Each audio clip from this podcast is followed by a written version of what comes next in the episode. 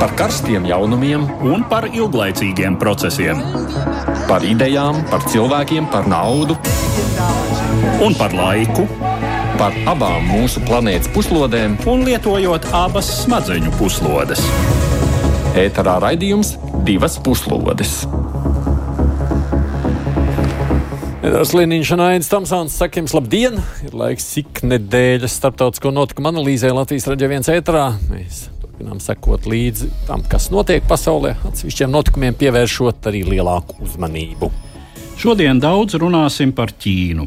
Amerikas Savienotajās valstīs notiek Āzijas un Klusā okeāna valstu ekonomiskais fórums, un tur ieradies arī Ķīnas prezidents Xi Jinpings.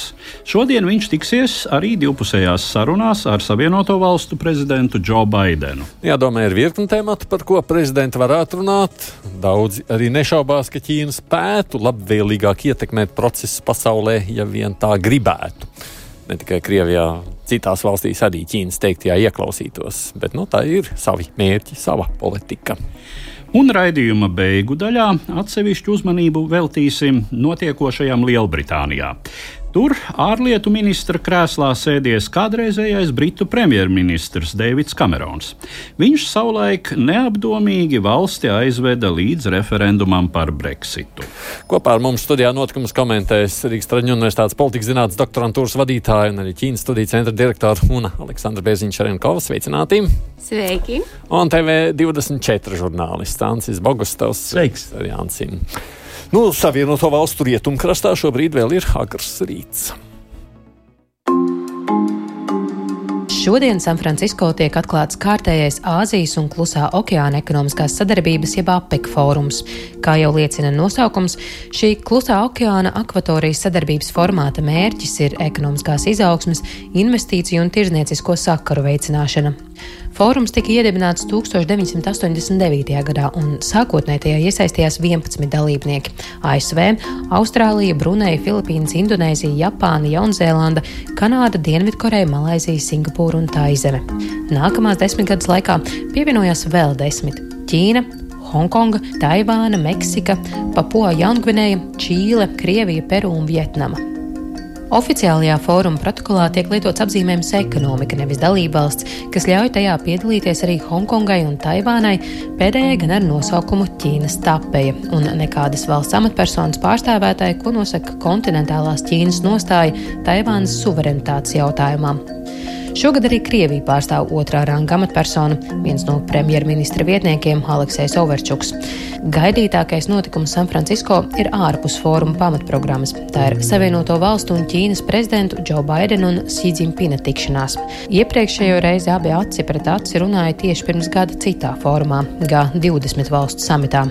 Starplaikā abu superlielvalstu attiecības spilgtinājuši tādi notikumi kā ķīniešu spiegošanas zondas pārlidojums Savienoto valstu teritorijai un tās notriekšana, Ķīnas hakeru veiktā Savienoto valstu tirdzniecības ministrs Džīnas Remondo e-pasta saraksts uzlaušana un Vašingtonas aizliegums eksportēt uz Ķīnu modernākās mikroshēmas.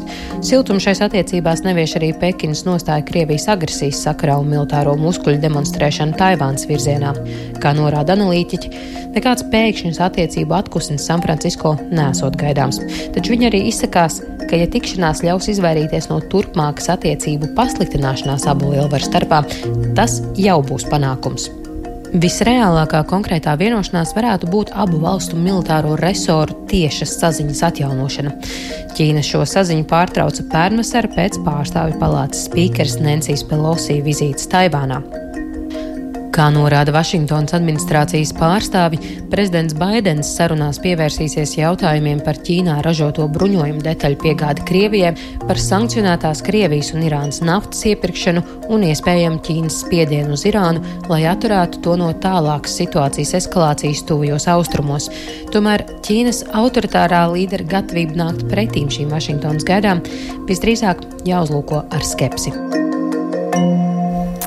Es dzirdu par kārtējo sadarbības fórumu, un reizēm pašam jābrīnās, kādi tikai tie sadarbības fórumi mehānismi nav izdomāti. Es vispār par šādu klusā okeānu valstu neatceros, ka mēs būtu runājuši. Vai ne? Nē, mēs pilnīgi noteikti neesam runājuši. Tāpēc, un... ka tālu no mums droši vien. Jā, un varbūt tāpēc, ka šajā sakarā nav nekad tādas īpašas, šai laukumā nav nekad tādas īpašas spriedzes. Nu, viņi tiešām runā par ekonomiku, par, par tirdzniecību, par naudas lietām, eh, kuras, eh, nu, tā sacīt, amortizē lielā mērā politiskās pretrunas. Nu, tas vien tiešām, ka Taivāna un Ķīna, lai kādā arī tur formātā, bet, bet... sēž pie viena galda.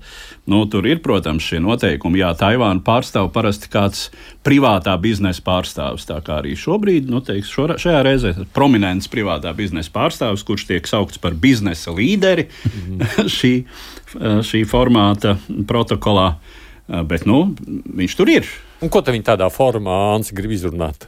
Mm, es saprotu, pirms es uh, atbildētu šo jautājumu, es gribētu bišķi nepiekrist Edvardam, jo, ja es palasu, kas ir tais valstīs, Austrālija, Kanāda, Čīle, uh, nu, skaidrs, Ķīna, Indonēzija, nu, Amerikas Savienotās valsts, Koreja, nu, tīri, ja padomā ekonomisko svaru, es domāju, ka viņu tas, uh, nu, tas um, spēja vienoties un vienot lietas, tik un tā ir Pasaules tirdzniecības organizācijas nu, tā, tā spēles noteikumi. Es domāju, ka viņi tos savus patiesos konfliktus vienkārši risina Ženēvā nu, pie šķīrētiesnešu galda, ja tur gadienā ir kaut kādi um, disputi. Otrs, ka dažas no tām valstīm tajā iekšienē patiesībā ir ar Amerikas Savienotajām valstīm brīvtirdzniecības līgumu vai speci specifisku līgumu attiecībās. Un es, es nezinu, un noteikti viņiem ir sekojuši no rīta līdz vakaram, bet man liekas, ka viņiem tomēr politika ir nu, iepakota ekonomikā.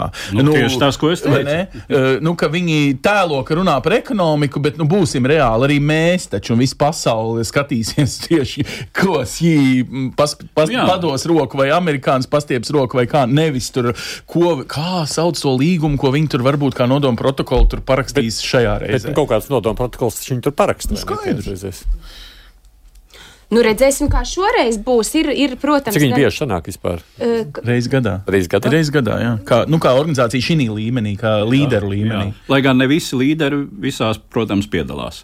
Uh, teiksim, uh, Baidens izlaida vienu reizi, kad bija kad, sakarā ar meitas kāzām, un tas tika uztverts kā mm, tomēr negatīvs mājiņš. Piedod, un es pārtraucu tevi. Nē, es ņemot vērā, ka es arī esmu savu bērnu dēļ izlaidusi ļoti nopietnas pasākums, ies, ieskaitot Taivānas de facto ārlietu ministra runu manā Rīgas Traģiņu universitātē. Es ļoti labi Džo Baidenu saprotu. Bet runājot par tieši šo divpusējo tikšanos, protams, tur ir mm, e, tiek runāts par ekonomiskiem jautājumiem, kur iespējams Ķīna varētu piekāpties, varētu nepiekāpties. Jo, ja mēs, protams, salīdzinām to, kā Ķīna šo pasniedz, tas ir spēka gājiens.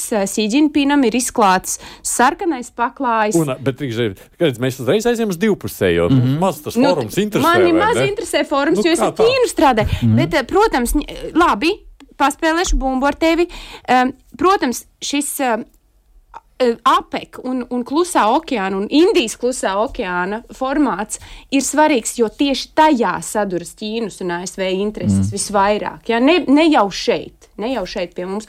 Un tāpēc valstis, kaut arī Jānis nolasīja, ir, ir, protams, tur puse pasaule ir mm. pārstāvēta, mm, bet tās ir valstis, kuras tieši ietekmē Ķīnas un ASV strīdi un pretstāvība. Un tāpēc, protams, Ķīnas un ASV attiecības ir ļoti svarīgas. Uh, nu, pat arī Singapūrā esot. Uh, konferencē tika uzsvērts, ja, cik ļoti šī situācija ir neizdevīga, nērta tādām valstīm, kas ir mazas, bet kuras kā, paļaujas uz starptautisko kārtību esošā, bet arī pat laikā, kuru, kuru ekonomika ir tik svarīga. Bet, bet runājot par tām divpusējām, kurš vairāk ieinteresēts tavuprāt, tajās ir ASV vai Ķīna? Man personīgi šobrīd liekas, ka Ķīna. Viņi grib, es domāju, ka izpētīt uh, situāciju, nu, gal galā Amerikā drīz būs vēlēšanas. Uh, viņiem varētu būt interesanti patērēt uh, nervus vismaz, ja ne pat izmēģināt savus spiegošanas tehnoloģijas, un ko tik vēl ne. Galu galā Krievija viņai labi iemācīja iepriekšējās prezidenta vēlēšanās. Viņa gribētu Trumpa atgriešanos. Nē, ne, bet uh, nu, ietekmēt, spēlēties. Galu galā es atvainojos, ja tu vari izmēģināt, vai tu spēj kaut ko darīt Amerikā, tu vari pēc tam. Nu, teiksim, tā, visā pasaulē to realizēt. Ja? Uh, nu, es domāju, ka mums, nu, es atvainojos, spēcdienesti, tehnoloģijas, kas tik viss nav progresējis pa pēdējiem uh, gadiem. Un es atvainojos, lai cik Ķīnai tur pietrūktu pusvadītāju, par ko viņi arī tur runās ar prezidentiem. Ja? Bet nu, nav jau tā, ka pusvadītāji ir vienīgais uh, klupšanas akmens, lai Ķīnai jau, jau sen nebūtu visas tās tehnoloģijas, seju atpazīšana, kas tik vēl nē. Nu, kā gan tu nevari ar visām tehnoloģijām, ar mākslīgo intelektu projektu, ja vien tev, protams, ir vajadzīgās atslēgas un spējas viņu, viņu pārvaldīt. Uh, nu, tā, palaist veselu. Nu, es, es domāju, ka uh, Amerika ir ļoti satraukusies par ķīniešu nu, mēģinājumiem vai, vai, vai mēģinājumiem mēģināt. Bet tā. politiski tik daudz, ne tik daudz ekonomiski šajā reizē. Es nu, jā, jā, jā, es domāju. Ātri par Trumpu, bet kāpēc ne? Kāpēc Trumps ne? taču absolūti ne skaidrs, ka Trumps ir uh, jokers un ir uh, triksters un viss kaut kas, bet tāpat laikā Trumps ir. Uh, figūra, kura varētu ļoti forši graut rietumu vienotību. Mm. Jā. Un tajos un, un, ad, kritizēt NATO uh, var, var, kas ir Ukraina, kas ir atbalsts Ukrainai, arī cits jautājums. Nē, kāpēc? Es domāju, ka nu, ķīniešiem bet, bet ķīniešiem jau pašiem jau ir bijis pieredze ar Trumpu. Man liekas, viņiem viss sākās visas problēmas ar Trumpu. Bet Trumpa, Trumpa vienīgā konsekventā īpašība ir konsekvences trūkums. Aha. Jā, un Trumps uh, nenoliedzami uh, sajūt tādu autoritāro līderu, uh, nu, tādu garu kopību, zināmā mm. mērā, tādu izjūtas kopību. Nevelti viņš tur tik ļoti arī ar Ziemeļkoreju. Ar Ziemeļkorejas uh, līderi. Nu, Siģiņš ir nostiprinājis varu, vai ne? Tagad kopš, mm. kopš uh, pagājušās prezidentūras. Jā, nu, uh, viņš ir darījis daudz, lai tiešām uzbūvētu savu, savu autoritāro varu. Un, nu, kā šķiet, viņš ir noskaņots pavadīt šajā amatā uh, visu savu atlikušo mūžu, uh, mainot to tradīciju, kuru, uh, kuru pēc priekšsēdētāja Mao nāves centās iedibināt nākamie partijas līderi. Um, kas, protams, bija nu, teiksim, tāda vairāk uh, demokrātijai raksturīga, ka tomēr ir, ir, uh, šie, ir limits šiem termiņiem un vispār ir reāls, uh, tomēr kaut, kādas, uh, kaut kāda reāla mm, šo līderu ievēlēšana, nu, kaut vai tikai partijas, uh, partijas līmenī, bet tomēr ir. Nu, tagad mēs atgriežamies pie pie mums, mūsu paudzē, labi, tomēr jau pazīstamā mm. modeļa, pie ģenerālsekretāra. Eh, kurš tiek iznests ar kājām pa priekšu? Uz mūžu, vai ne? Bet, ja mēs tādā skatāmies, tad kas vairāk Ķīnu interesē? Politika, ekonomika? Kas? Ķīnu uztrauc tas, ka attiecības ir brīvā kritienā. Ķīna tomēr, neskatoties uz visu karavīgo retoriku un to, ko ķīnieši sauc par pašapziņas atgūšanu, jā, mēs varam jūs kritizēt un, un, un noraut jūsu maskas. Mēs ticam sev un ticam savam ceļam un ticam savai kultūrai. Šādu pašapziņas atgūšanu, neskatoties uz to, viņi tik un tā saprot, ka nav iespējams ASV apiet nedz ekonomiski, nedz arī politiski. Ir arī zinām tāda sazvērstības teorija kompartijā par to, ka ASV ļoti aktīvi uzkurina Ķīnas blakus esošās esošās valstis, kuras nevis neba no pašas, no pašas vēlēšanās Filipīnas būtu vēlējušās izstāties no joslas un ceļa un atteikties no projektiem. Kaut arī, protams, Filipīnas to dara pašas, ņemot vērā Ķīnas ārkārtīgi agresīvo nu, teritoriālo uh, konfliktu ar, uh, pret Filipīnām, prasīs pret Filipīnām. Bet uh, ekonomiskie jautājumi arī šeit parādīsies. Nu, tas, ko mēs dzirdam, varētu apspriest, Ķīna varētu piekrist ierobežot fentanila izeivielu nonākšanu ASV. Mēs zinām, ka tā ir šausmīga sāpe un nelaime. Kāpēc atgādini? Tu nelieto, es saprotu, tas ir pareizi. um, Viņš daudz ko tas nelieto. nav jāzina. Es arī nelietoju, bet tā ir sintētiskā narkotika, Jā. kurai, t, kuras, kurai ir, kuru ir ļoti viegli pārdozēt, ja es pareizi saprotu. Un, protams, tās jauniešu nāves ir, ir, ir, ir, ir milzīga epidēmija. Mm. Tā ir lēta, jo tā, mm. atšķirībā no citiem no, no opiātiem, tā ir lēta un pieejama. Nu, vēl viena lieta, par ko mēs dzirdam, kas tā kā gaisā ir par to, ka ķīnieši varētu, piemēram, um, um, ASV lidaparātus MAX 737 atkal tā kā sākt pasūtīt. Tur bija vairāk skandāli, jo viņi tur tika nosēdināti pirms vairākiem gadiem, kur bija arī gan, gan tehniskais, gan politiskais moments. Varbūt tas uh, arī. Tas vēl viena ļoti interesanta tēma, par ko viņi varētu vienoties, kas patiesībā jau iet vairs ne tikai ekonomiskajā vai politiskajā dienas kārtībā, bet arī militārajā dienas kārtībā, ir saruna par um, mākslīgā intelekta nelaišanu, nepielaišanu pie lēmumu pieņemšanas militārajās autonomijās tehnoloģijās, nu, piemēram, dronos. Ja? Tā tad turēt cilvēku vienmēr šajā ķēdē. Jā, sevišķi ir runa par kodolieročiem. Mm. Jā, bet arī, arī jā, taisnība, bet arī, arī uh, klasiskajos uh, kinētiskajos jautājumos uh, ir, ir, ir, ir jautājums par to, ka uh, mākslīgais intelekts net. Un šeit viņiem sal, sakrīt viedoklis. Viņi ir atraduši kaut ko par ilgiem laikiem, kur viņiem sakrīt viedoklis. Bet, protams, no rietumu puses izskatās tā, ka, ja Ķīna ir pēkšņi gatava par, šī, par visiem šiem jautājumiem gandrīz tā kā piekāpties, jā, tas neizskatās labi. Savukārt Ķīnas mēdī, protams, stāsta otrādi. Ķīnas mēdī stāsta, ka nu, Ķīna tagad ir lielais līderis, ir ieradies. Uh, nevis vienkārši ASV, bet viņš ir ieradies eh, San Francisco apkārtnē, Ziemeļkalifornijā. Ja mēs atceramies, tad tā ir vieta, kur bija ļoti spēcīga ķīniešu diaspora 19. gadsimta vidū ASV, un, un, un pret viņiem tika vērsti ļoti eh, negodīgas politikas, tostarp eh, ķīniešu izslēgšanas akts, kurš faktiski mm. ķīniešiem atņēma jebkādas iespējas strādāt. Un ķīnieši bija tie, ķīniešu migranti bija tie, kas būvēja uh, dzelzceļu uz rietumkrastu faktiski.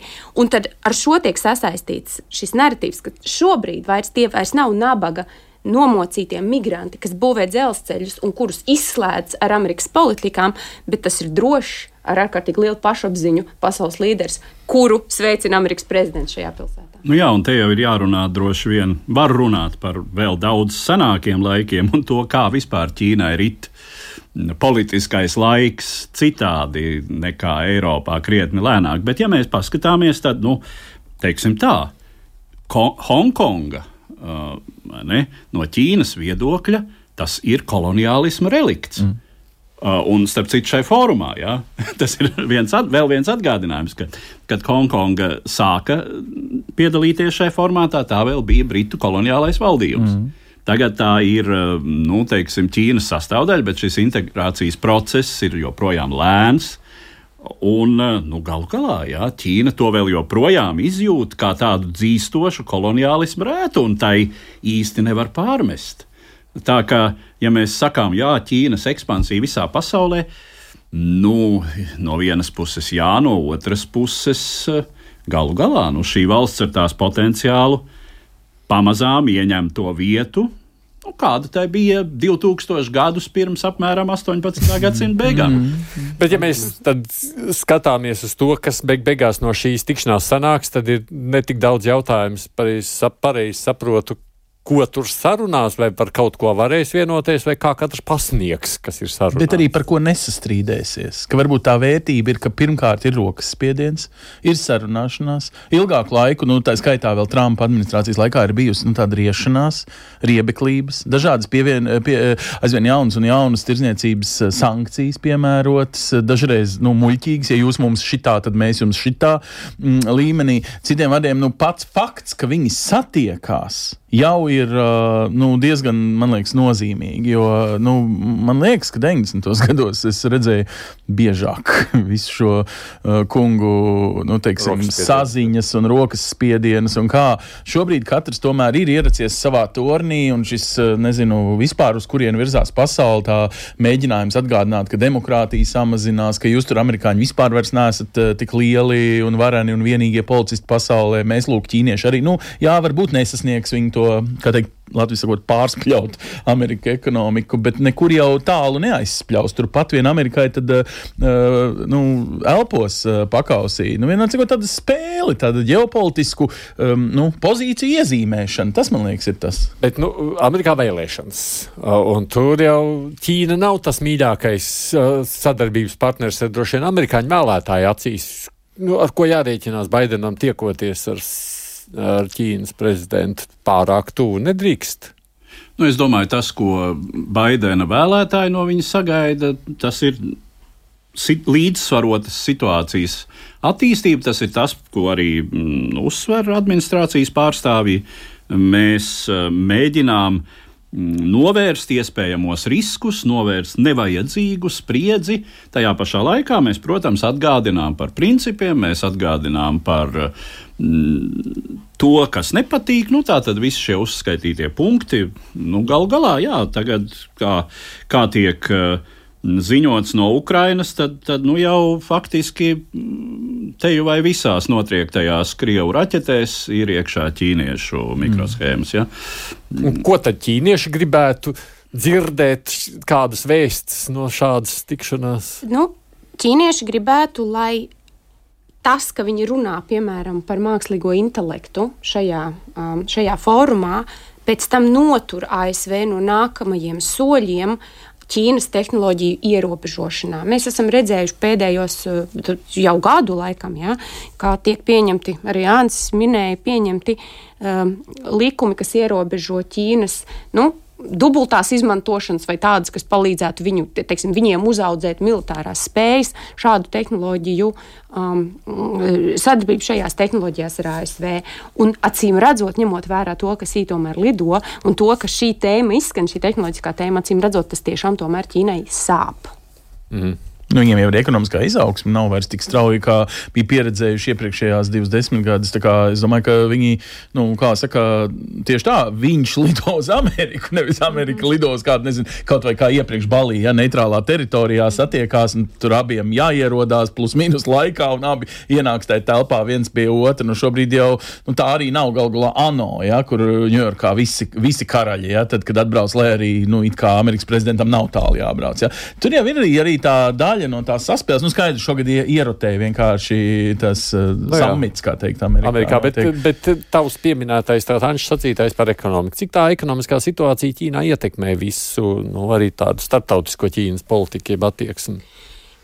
Nu, mēs varam, protams, spekulēt, ka tas, ka Ķīnā ir sistēmiski ekonomiskie izaicinājumi, protams, liek partijas valdībai, vadībai domāt par to, ka tas var ietekmēt sociālo uh, stabilitāti. Cilvēki Ķīnā, un to ir rakstījuši daudz pētnieku, un tas ir pierādīts, cilvēki Ķīnā saceļās nevis par vērtību jautājumiem, vismazāk viņus interesē, liek vai neliek uigurus koncentrācijas nometnēs. Eh, cilvēki saceļās tad, kad viņu maizīte, viņu dzīvoklis, viņu uh, pensionāru pakalpojumi tiek apdraudēti, vai arī, teiksim, Covid laikā mēs to arī redzējām.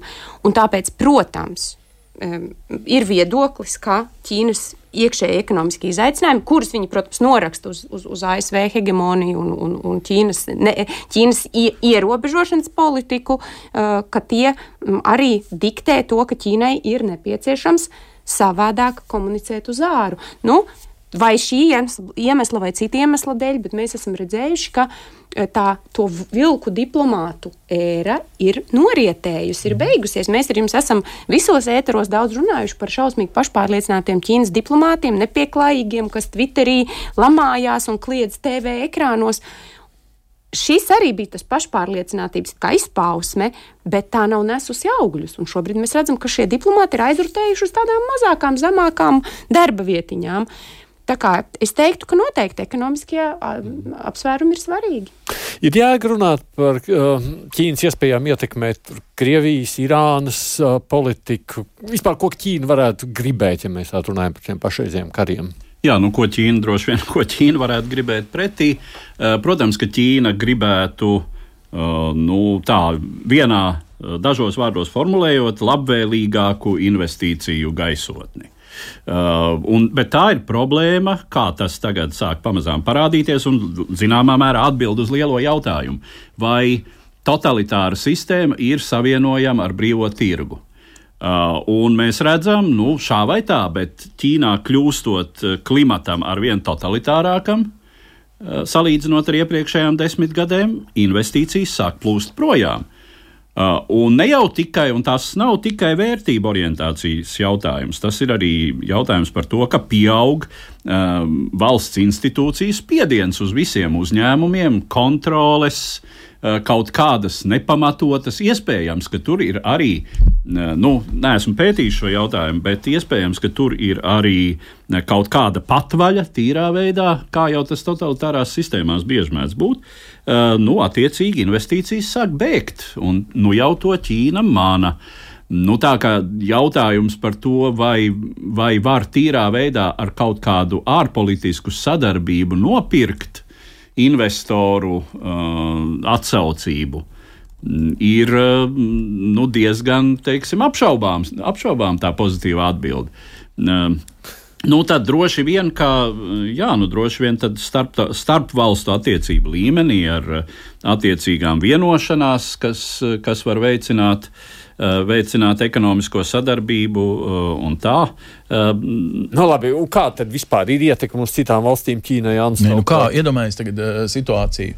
Es nevaru iedomāties, ka Baidens, nu, ja vien to speciāli pasniedz kā kaut kādu nu, tiešām miera balodis, Baidens ieskatās Putinam acīs kaut kādā, sazin, kādā uz kara kuģa kaut kur neitrālā uh, teritorijā. Jo principā viņš būtu jārestē. Ja Baidens viņam tuvojās, tad uh, Putins ir jārestē. Un tieši tas pats ir ar Teherānas līderi. Bet Ķīnai savukārt ir ietekme ar, ar Irānu un ar uh, Krieviju runāt. Tad, tad, lai cik tas būtu nu, riebīgi, skan, bet principā caur Ķīnu daudzas lietas nu, var ietekmēt. Un, un starp citu, nu, man žēl to teikt, man, man tiešām žēl to teikt, bet es nedomāju, ka tur Ukraina ir vienīgais, kas ir jāietekmē. Tur ir tā skaitā Irāna, tā skaitā vispār Ķīnas pašas attiecības ar Ameriku, tur Dienvidu Ķīnas jūrā un, un, un nezinu, Taivānas galu galā vispār neatkarības jautājums, neokupēšanas, kara nesākšanas jautājums. Ķīnai, es domāju, ir kārtas rokās. Turklāt, nu, es tā iedomājos, tīri tehniski. Iedomājos, tagad paņemam tikai gadījumus ar Ukrainu. Jā, ķīnietis saka, acīs skatoties ķīniešu mierā, jā, ir mani čipi ma, e, raķetēs, kas lido uz Ukrajinu no Krievijas. Jā, nu un ko tad jūs e, dosiet man pretī, ja es vairs nedošu tos čipus tiem Krieviem? Ja? Nu, tad viņš ir, nu, ja tā teikt, uzkačājis sev valūtas vērtību.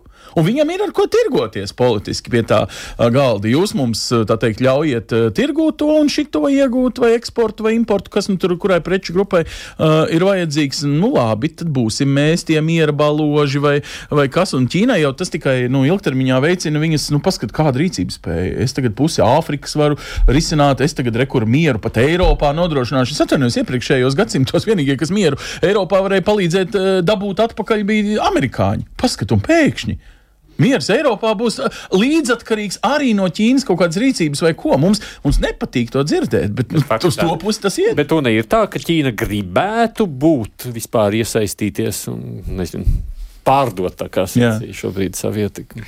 Jā un nē. Jā, tāpēc, ka Ķīnas jaunais redzējums par cilvēces kopīgo nākotni, kas ir Sīdžina, nu, vismaz tā, Sīdžina pāraksta zem tā stāv, skaidrs, ka tur ir citi domātāji, kas, kas, kas ar to ir nākuši klajā, um, paredz jaunu drošības kontraktu un jaunu attīstības kontraktu globāli.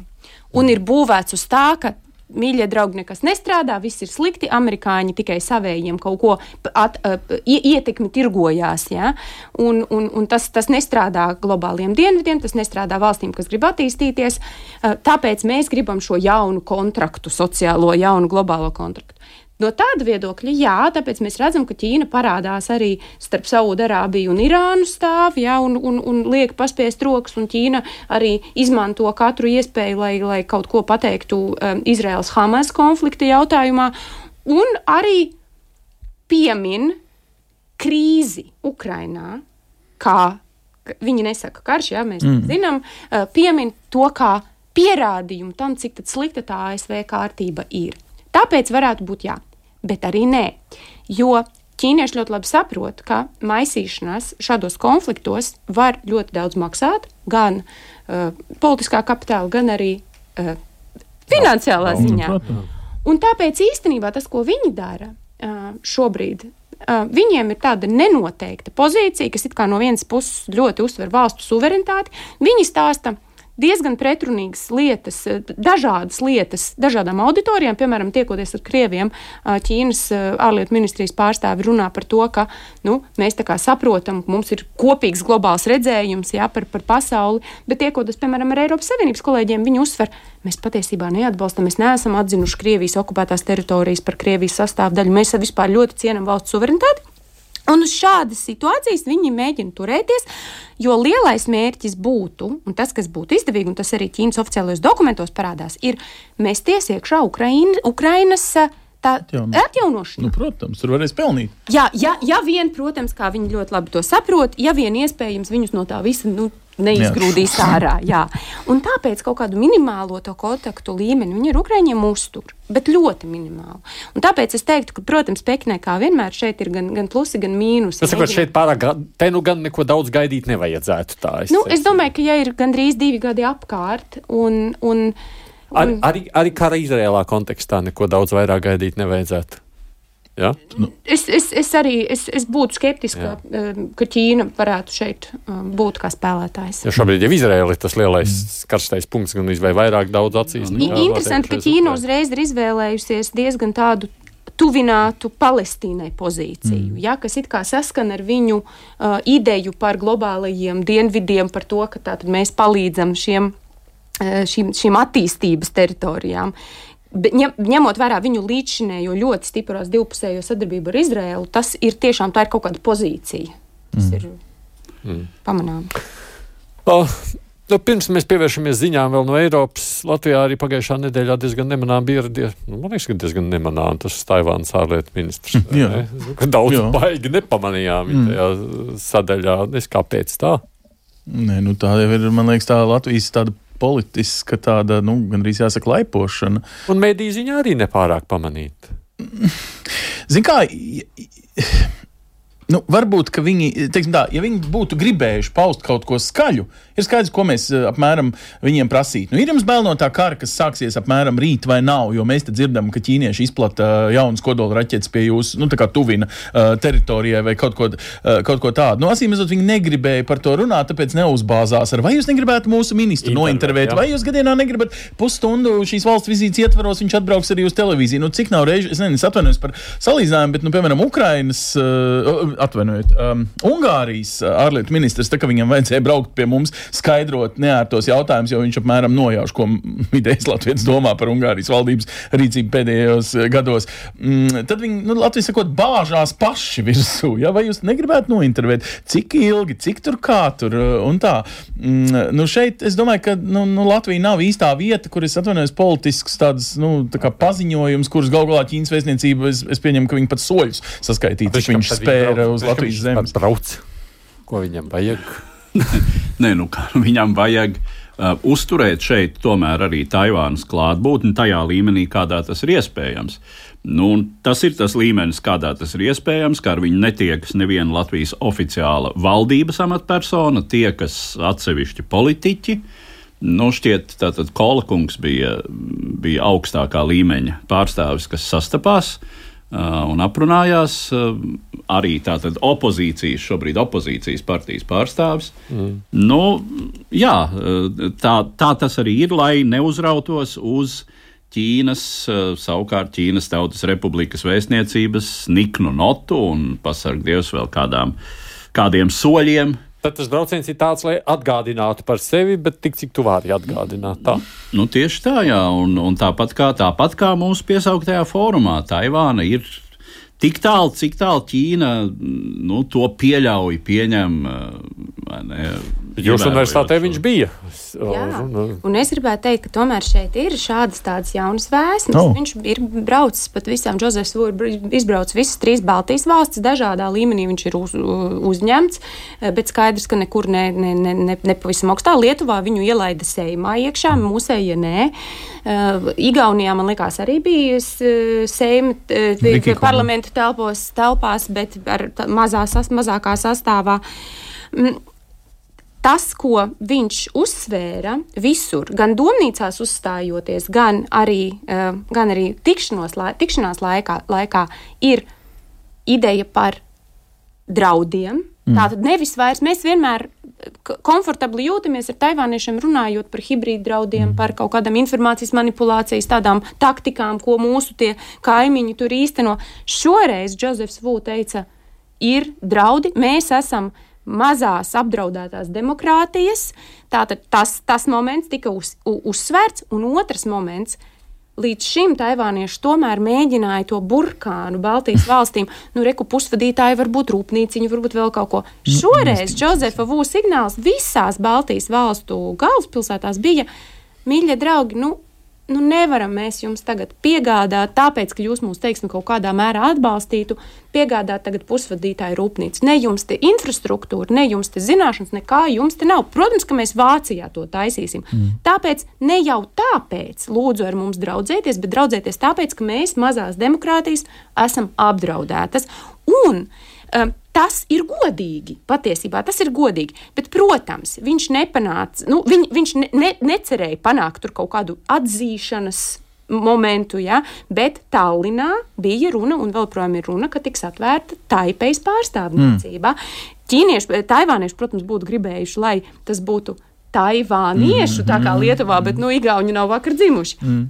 Eh, un, ja tīpaši ņemot vērā, ka mēs tagad esam absolūti ārpus konteksta ziņu saņēmuši no Lietuvas mēdījiem, ka Gabriēļus Landsbergis, Lietuvas ārlietu ministrs, ir principā kaut kur kaut ko izteicies par attiecību normalizāciju ar Pekinu.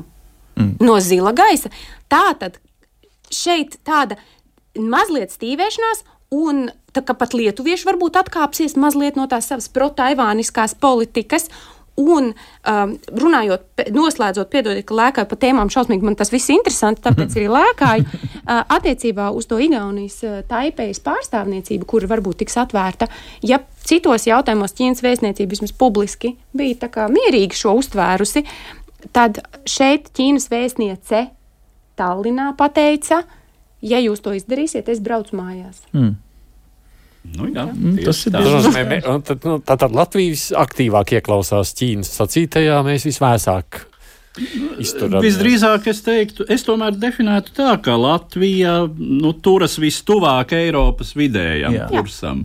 Bet ir vēl viena interese, manuprāt, un jāatcerās, ka tieši teikt, sakrīt ar plus mīnus mūsu prezidenta vizīti Ņujorkā un atklāt faktiski kampaņu, ka mēs gribam būt viena no ievēlētajām uh, valstīm drošības padomē. Un par ko tad vēl, ja ne par nu, atzīšanas jautājumiem, starptautisko tiesiskumu, cilvēktiesībām un galu galā es atvainojos kara draudu novēršanu, kas reti kad izdodas, bet, nu, kad sākās kara draudi, tad vismaz pieņem rezolūciju, kurā nosoda. Par ko tad vēl? Ja? Tātad, ja Latvija nopietni par to domā, tad eh, nu, skaidrs, ka nu, tur viens ir eh, vai balsojumā Latvija eh, nu, saņem vajadzīgo balsu skaitu, bet skaidrs, ka tur jau ir arī nu, jāpierāda pašiem. Ja? Es nezinu, tā pati konkurējušā Melnkalnis atvainojas, tur varētu nesenākā pagātnē atrast kaut kādus ne, cilvēktiesību pārkāpumus pret minoritātēm un kaut ko tādu Latvijai senākā. Bet, bet nu, vienkārši es domāju, ka mums jā jāsāk apzināties arī, ka nevis tikai mums no viņiem vajag tos eh, pusvadītāju fabriku. Nu, jā, protams, nu, nesenāca liela investīcija, sanāca vāciešiem, bet arī viņiem no mums, lai cik tas liktos, nu, kā mēs esam pieraduši domāt, mazais rūtīts Latviju neko neietekmē. Es atvainojos, mazais rūtīts gan ieročus piegādā, gan paskat, kur bulē Eiropas Savienība tad, kad tur Ukrainai ir jādod solījumi, un reku mazais ir rūtīts pat pie Ķīnas krastiem mazai skaistai neatkarīgai salai var būt nu, svarīgs politiski nākotnē. Tā kā lūdzu, latvieši izstiepjam muguras. Bet, jūs beigās secināt, un pabeidzot šo sarunu, dodoties tālāk uz Lielbritāniju, o, tad kāds ir bijis šīs vizītes rezultāts no viņa skatu punktu, ierodoties šeit Latvijā? Rezultāts ir bijis mazliet mainīt narratīvu par to, kāpēc sadarbība ar Taivānu, Baltijas valstīm ir svarīga un uzturēt esošās saiknes, nepa, neļaut tam paslīdēt. Iespējams, ka taivānieši kaut ko jau bija dzirdējuši par to Lietuvas, eh, Pekinas eh, interesi arī agrāk nekā mēs. Bet, principā, mainīt un runāt nevis par tur, mm, kaut kādu pragmatisku sadarbību, bet runāt tieši par vērtībām. A viņi, prāt, mēs sadzirdējām? Nu, Jūsu kolēģi likāt saprast, ka laikam nebija tik skaļi tas izskanējis, kā viņi būtu gribējuši. Nu, labi, redzim, beigdaļā, kā jau es minēju, mēs gribam mazliet uzmanības veltīt arī pārmaiņām Lielbritānijas valdībā. Tāpēc tagad pievēršamies notikumiem geogrāfiski mazliet tuvākā reģionā. Pārmaiņas Britu valdībā tika sagaidītas jau labu laiku. Pārāk daudzi no kabineta locekļiem premjerministram Rišī Sunakam tika mantojumā no viņa priekšgājējas Līzes Trases, un bija paredzams, ka agri vai vēlu Toriju līderis pārdiegs valdību vairāk pa savam mēram. Tomēr pārmaiņas, kuras tika publiskotas pirmdien, dažā ziņā ir ekstravagantas. Tas noteikti sakāms par jauno ārlietu ministru Lordu Deividu Kameronu, Lielbritānijas valdības vadītāju no 2010. līdz 2016. gadam. Tieši viņš bija tas, kurš Brexiteru ietekmes spiests piekrita liktenīgiem referendumam un demisionēja pēc tam, kad tas beidzās ar brītu elektorāta lēmumu pamest Eiropas Savienību. Nav šaubu, ka viņa pieredze un sakari pat tiešām var lietu noderēt Sunaka valdībai, taču ekspremjera darbošanās viņam nesus arī pāris reputācijas problēmas. Tā skaitā pārmetumus, ka Šrilankas galvaspilsētas Kolombo ostas attīstības projekts, kuru Kamerons aktīvi virzīs starptautiski, varētu radīt nozīmīgu Ķīnas ietekmes bāzi. Vēl viens problēma jautājums ar jaunā ārlietu resoru vadītāja atskaitīšanās parlamentam. Kamerons nu ir Lordu palātas loceklis un parlamenta procedūra neparedz Lordu izjautāšanu apakšnamā. Jādomā, konkrētais katalizators valdības pārveidē bija vajadzība nomainīt līdzinējo iekšlietu ministri Suēlu Brāvermenu. Pagājušā nedēļā viņa publicēja rakstu, kurā pārmeta Londonas policijai, ka tā adekvāti strikti kontrolējot labējo radikāļu publiskās akcijas, bet tikām caur pirkstiem skatoties uz līdzīgām izdarībām no Gazas palestīniešu atbalstītāju puses.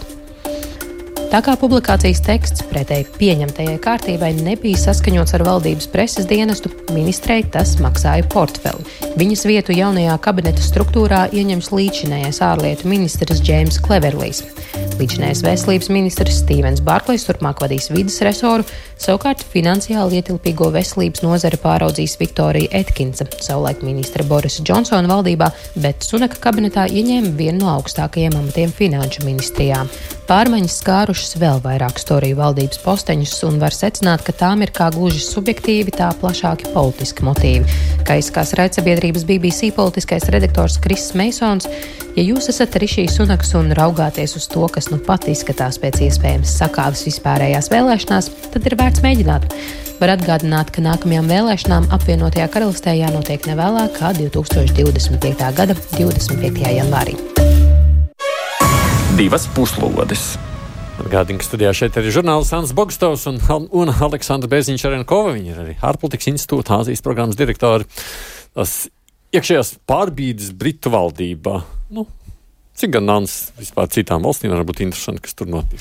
Nu, Kamerons, protams, ir nenormāli interesants gadījums. Viens cilvēks, kuram, man liekas, Eiropā nebija neviena nu, citu Eiropas valstu politiķa, kurš eh, pārmest, ka, ka viegliprātīga attieksme pret um, nu, vispār jautājumiem un, un, un, un sava kā politiskās popularitātes uzturēšanas dēļ spēlēšanās ar valsts nākotni, nu, laikam jau nu, ļoti skaists vēsturisks piemērs, kas savā ziņā bija viņa uh, lēmuma provocēts. Ja? Valstī lūk šādi pieņemt lēmumu, tad skatīties kādas konsekvences un, un tā.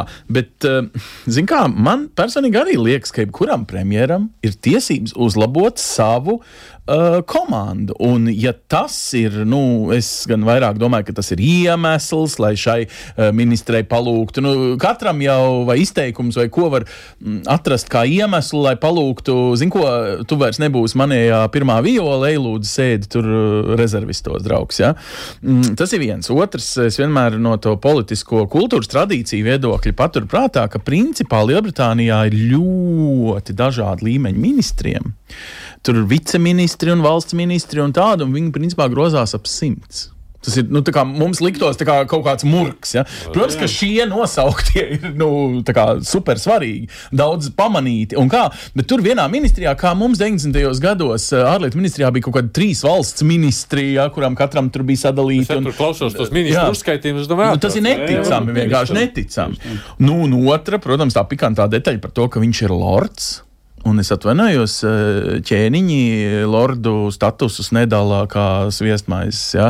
Eh, no citiem vārdiem, jā, viņam ir politika, politiķa nopelni, un, un, un vēl man nāk prātā divu, gan Līzes Trastas, gan, eh, kā nu bija tā iepriekšējā premjerministre, kas pārņēma no Kamerona. Mm. Jā, Meija, Terezes Meijas to teikumu, ka mēs, politiķi, pēc šādiem gadījumiem, kā referendumi, lai cik tur pareizi, nepareizi bija viņas pa, uh, nu, palaist. Starp citu, arī um, Boris Džonsons tā teica, mēs izpildām vēlētāju gribu. Cik nu, es atvainojos, Latvijas uh, drīz uh, varbūt izsludinātā referenduma kontekstā arī interesanti. Ja? Uh, tātad, ka viņi personīgi, Terēza Meija tā teica, toreiz es atceros, es personīgi nepiekrītu tam, ko Deivids Kamerons radīja, bet es izpildīšu vēlētāju gribu kā premjerministra, kuras uzdevums ir lūk valdības gaitā realizēt šo izstāšanās procesu toreiz no Eiropas Savienības. Nu tad, ja, ja šis ir lieliskais Lords Kamerons, kurš ir politiķis kā profesionālis, nu tad viņš vienkārši šoreiz noderēs uh, šajā amatā šim, uh, sapcīt, diezgan, laikam, saprotu, vēl aizvien populāram premjerministram. Tādā ziņā viņš bija šķiņ spēlējās, protams, ar to reitingu šādā kontekstā, bet, nu, profesionāļi. Jā, nesakojot uh, tik ļoti līdzi Britu iekšpolitiskajām, iekšpolitiskajām procesam, man pat bija drusku pārsteigums tas BBC kolēģa, teikt, izteikums, ka uh, Rišī Sunakam varētu draudēt, nu, un konservatīviem kopumā varētu draudēt zaudējums nākamajās vēlēšanās, lai gan, jāsaka, Kāpēc pārsteigums? Mēs, man liekas, to esam runājuši nereiz vien. Nu, viņiem ir slikti. Nu, slikti, respektīvi, slikti viņiem bija. Uh, krietni agrāk. Nu, mm. Tagad tiešām ar, ar sunaku, lai gan nu, droši vien tā arī ir. Bija cerības, ka pārsteigums varētu kaut ko izdarīt. Pārsteigums labāk, varbūt nav īstais vārds. Jā. Uh, ir, ir teiksim, tā kā šī šī izjūta mazliet atkāpās, es teiktu, tā līdz ar, līdz ar šī sunaku. Bet runājot par pagātnes lietām, nu, jāsaka, ka Es domāju, Ansis mazliet par daudz nikni pārmeta, pārmeta Kamerona kungam, Lordam Kameronam. Jā, jā, jā. Sēram, Lordam. Sēram uh, Davidam.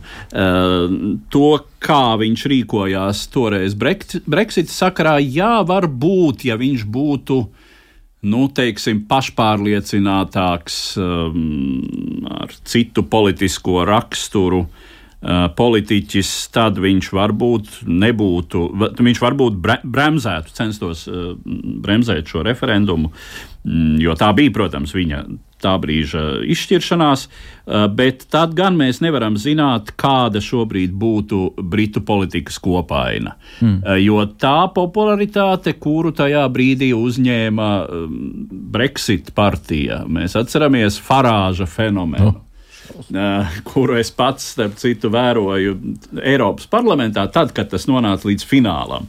Kad bija šī, šis gala lēmums par izstāšanās nolīguma apstiprināšanu, tas bija, tā bija Farāža zvaigžņu mm. stunda. Un pārsteidzošākais, ka viņš tiešām arī ir izpildījis to, ko viņš tajā brīdī teica. Es aizēju no aktīvās politikas. Es nemēģināšu šo pārvērst pastāvīgā politiskā kapitālā. Ja Kamerons nebūtu piekritis Brexitam, nu, šim referendumam, tad visdrīzāk eh, būtu joprojām šī Brexit partija, un varbūt tas referendums būtu noticis, bet jau ar pavisam citiem vēlēšanu rezultātiem un tā tālāk. Tā, tā bija, tas zināmā mērā bija. Nu, Nu, nu, teiksim, spiediens apmēram tā, jau nu, ne, neteiks, eh, salīdzinoši mazākā mērā subjektīva, vairāk politiskās realitātes, objektīvās politiskās realitātes noteikta izšķiršanās toreiz. Uh, nu, jā, britu vēlētāji lēma tā, kā viņi lēma. Uh, droši vien es pieļauju, es pieļauju, un tas jau arī ir skaidri redzams, laikam, aptaujās, ka uh, zināma daļa no toreiz par Brexitu nobalsojušajiem tagad savu rīcību nožēlojam. nožēlo. Bet, ja mēs runājam par Kamerona esamību tā ārlietu ministra amatā, nu, ko tā būtiski maina, ietekmē, ārpolitika ietekmē neko taču, vai ne? Ne, nu, pieredzējis, harizmātisks. Labas attiecības. Politiķis. Ar, ar, plašiem, ar plašiem sakariem pasaulē, jā, arī dzene. Nu, bet tas nav maz. Kad jūs pēdējo reizi dzirdējāt, ko Briti domā? Ne, paldies Britiem, kas piegādāja ieročus, apmāca, teiksim, Ukrainu un, un kā, bet, teiksim tā, tad, kad Lielbritānija bija Eiropas Savienībā, kaut vai šī viņu ietiepīgā daba pret Eiropas Savienības daudziem kopīgiem mēģinājumiem noformulēt kopīgu ārpolitiku vai cīņu ar franču vai vācu pozīcijām un tā tālāk, bija daudz skaļāk lielāka ņemšanās pasaulē. Ja es tagad, uh, nu, vispār pēc Brexit, es atvainojos, Britu ietekme nu, arī ir bišķiņa mazinājusies, tā tad viņa kā personības, turklāt ārlietu ministrijā, amatā, es domāju, ka šis cilvēks, jā, protams, daudzi smiesies viņam aiz muguras un teiks, o, kur tad Mr. Brexits ir atnācis pie mums lietas kārtot, atpakaļ prasīsies. Nu, būs, protams, bet viņš ir tik spēcīga personība, nezinu, kā, tāpat kā Boris Džonsons, kuram tas ir kā pīlei ūdens, šitie visi teikumi, un, un viņam viņi noticēs, eh, un, un, un viņš, eh, nu, teiksim tā, panāks savu. Un eh, atcerieties, es nezinu, nu, piemēram. NATO ģenerālsekretāra amats. Britiem vienmēr nu, strateģiski starptautiskajā drošības jautājumos tas ir bijis svarīgs. Mums ir bijis Džordžs Robertsons, toreiz nu, foršs. Patiesībā tāds grūti bija saprast, ka viņš skotu akcentā runāja, bet nu, nu, foršs kungs, nu, kad mēs vēl bijām nu, kandidātu valsts. Ja? Britiem vienmēr ir bijis svarīgi izvirzīt, piemēram, arī savējos. Ja? Vai nu, nu, kaut kādos jautājumos būs lielas lietas, kur ir vajadzīga. Es nezinu, nu, kaut vai iepriekš Tonijam Blēram raksturīgā lapsīgā politika. Uh, pēc Tonija Blēra šo lapsīgumu uh, tam pašam uh, lordam pie, nu, pie mm, pierakstīja. Ja? Es domāju, ka uh, starptautiskā politikā personības šarms, uh, lai cik man varbūt viņš neliktos šarmants, bet uh, tur šarms ir. Mm. Nu, es mazliet ar interesi skatījos, ka tur tā ir diskusija par to, ka Lūk, vispār pats par sevi, ka bijušais valdības vadītājs tagad kļūst par ministru. No, no, no, Krišāns Kāriņš paskatījās. Es tā domāju, mums Latvijā tas nekāds problēmas. Jā. jā, protams, nu Latvijā ir drusku cita politiskā situācija, sistēma, tradīcija un tā tālāk. Uh, tiek atzīmēts, ka tas ir samērā rēts gadījums mūsdienās. Agrāk uh, tieši tas, ka, jā, ka Lordu palātas loceklis Eh, šis amats Kameronam, protams, piekrita pēc viņa statusa. Manuprāt, visi bijušie premjeri saņem šo nopelnu muiznieci. Eh, nu, mm -hmm. nu, jā, tas Laikam, ir no, jā. nopelnu. Nopelnu mm. uh, lorda status. Lorda status jā. Jā. Piebilstot, ka šobrīd mantojama um, mantojami aristokrātijas tituli Jā. Lielbritānijā piešķirti tiek tikai karaļnama mm. atvasēm, ne citiem. Uh, kā tas kādreiz bija. Tagad tikai šie nopelni, no ar kuru cilvēks dzīvo līdz mūža galam. Nu, un, attiecīgi, jā, viņu nevar izsaukt uz tepiņa apakšnamā. pikanti, uz, uz ko viņš mierīgi atbildēja? Jā, es atbildēšu Lordu palātā. Mm -hmm.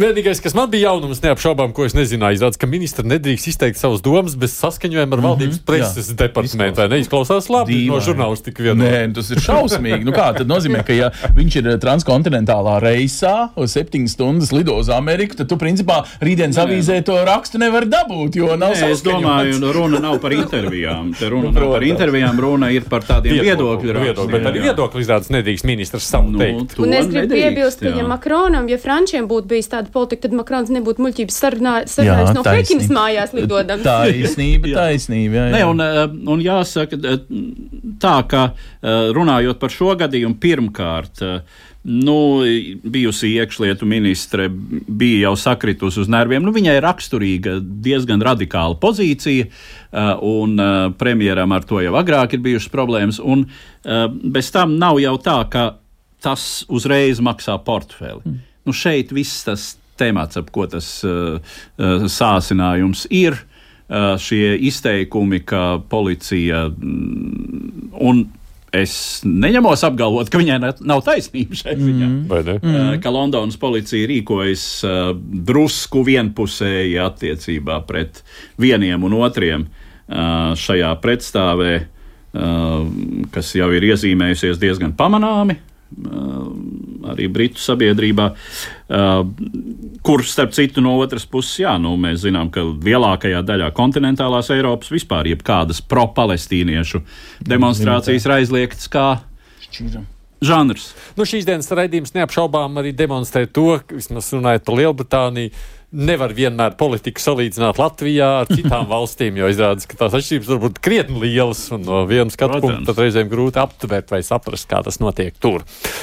Paldies, es jums saku, cienījamie eksperti, par piedalīšanos šīs dienas raidījumā. Mēs eh, mazāk kā redzam šoreiz tiešām nepieminējām tām karstajiem punktiem, par ko Jā. mēs gandrīz katru reizi runājam. Nu, neapšaubām par tiem mēs runāsim arī nākamajās reizēs, tāpēc, ka divas puslodes skan reizes nedēļā. Ants Bogustovs ir TV24 žurnālists Jep. un raidījuma vadītājs. Paldies, Paldies tev, Rīgas Tradiņu universitātes Ķīnas studiju centra direktora un Aleksandra Bēziņa Čerenkova. Nu, kā vienmēr, Edvards Liniņš šeit Paldies. arī Latvijas radio viens uh, no raidījuma vadītājiem un līdz ar to arī divas puslodes vadītājs. Mūsu producents ir Ieva Zeizes, jā, bija arī Aits Tomsons. Tātad sekojam līdz notikumiem, tiekamies atkal nākamajā nedēļā. Nu, karš gan Ukrainā, gan Izrēlā, protams, neapšaubām būs mūsu uzmanības lokā arī nākamajās nedēļās. Līdz nākamajai reizei. Divas puslodes!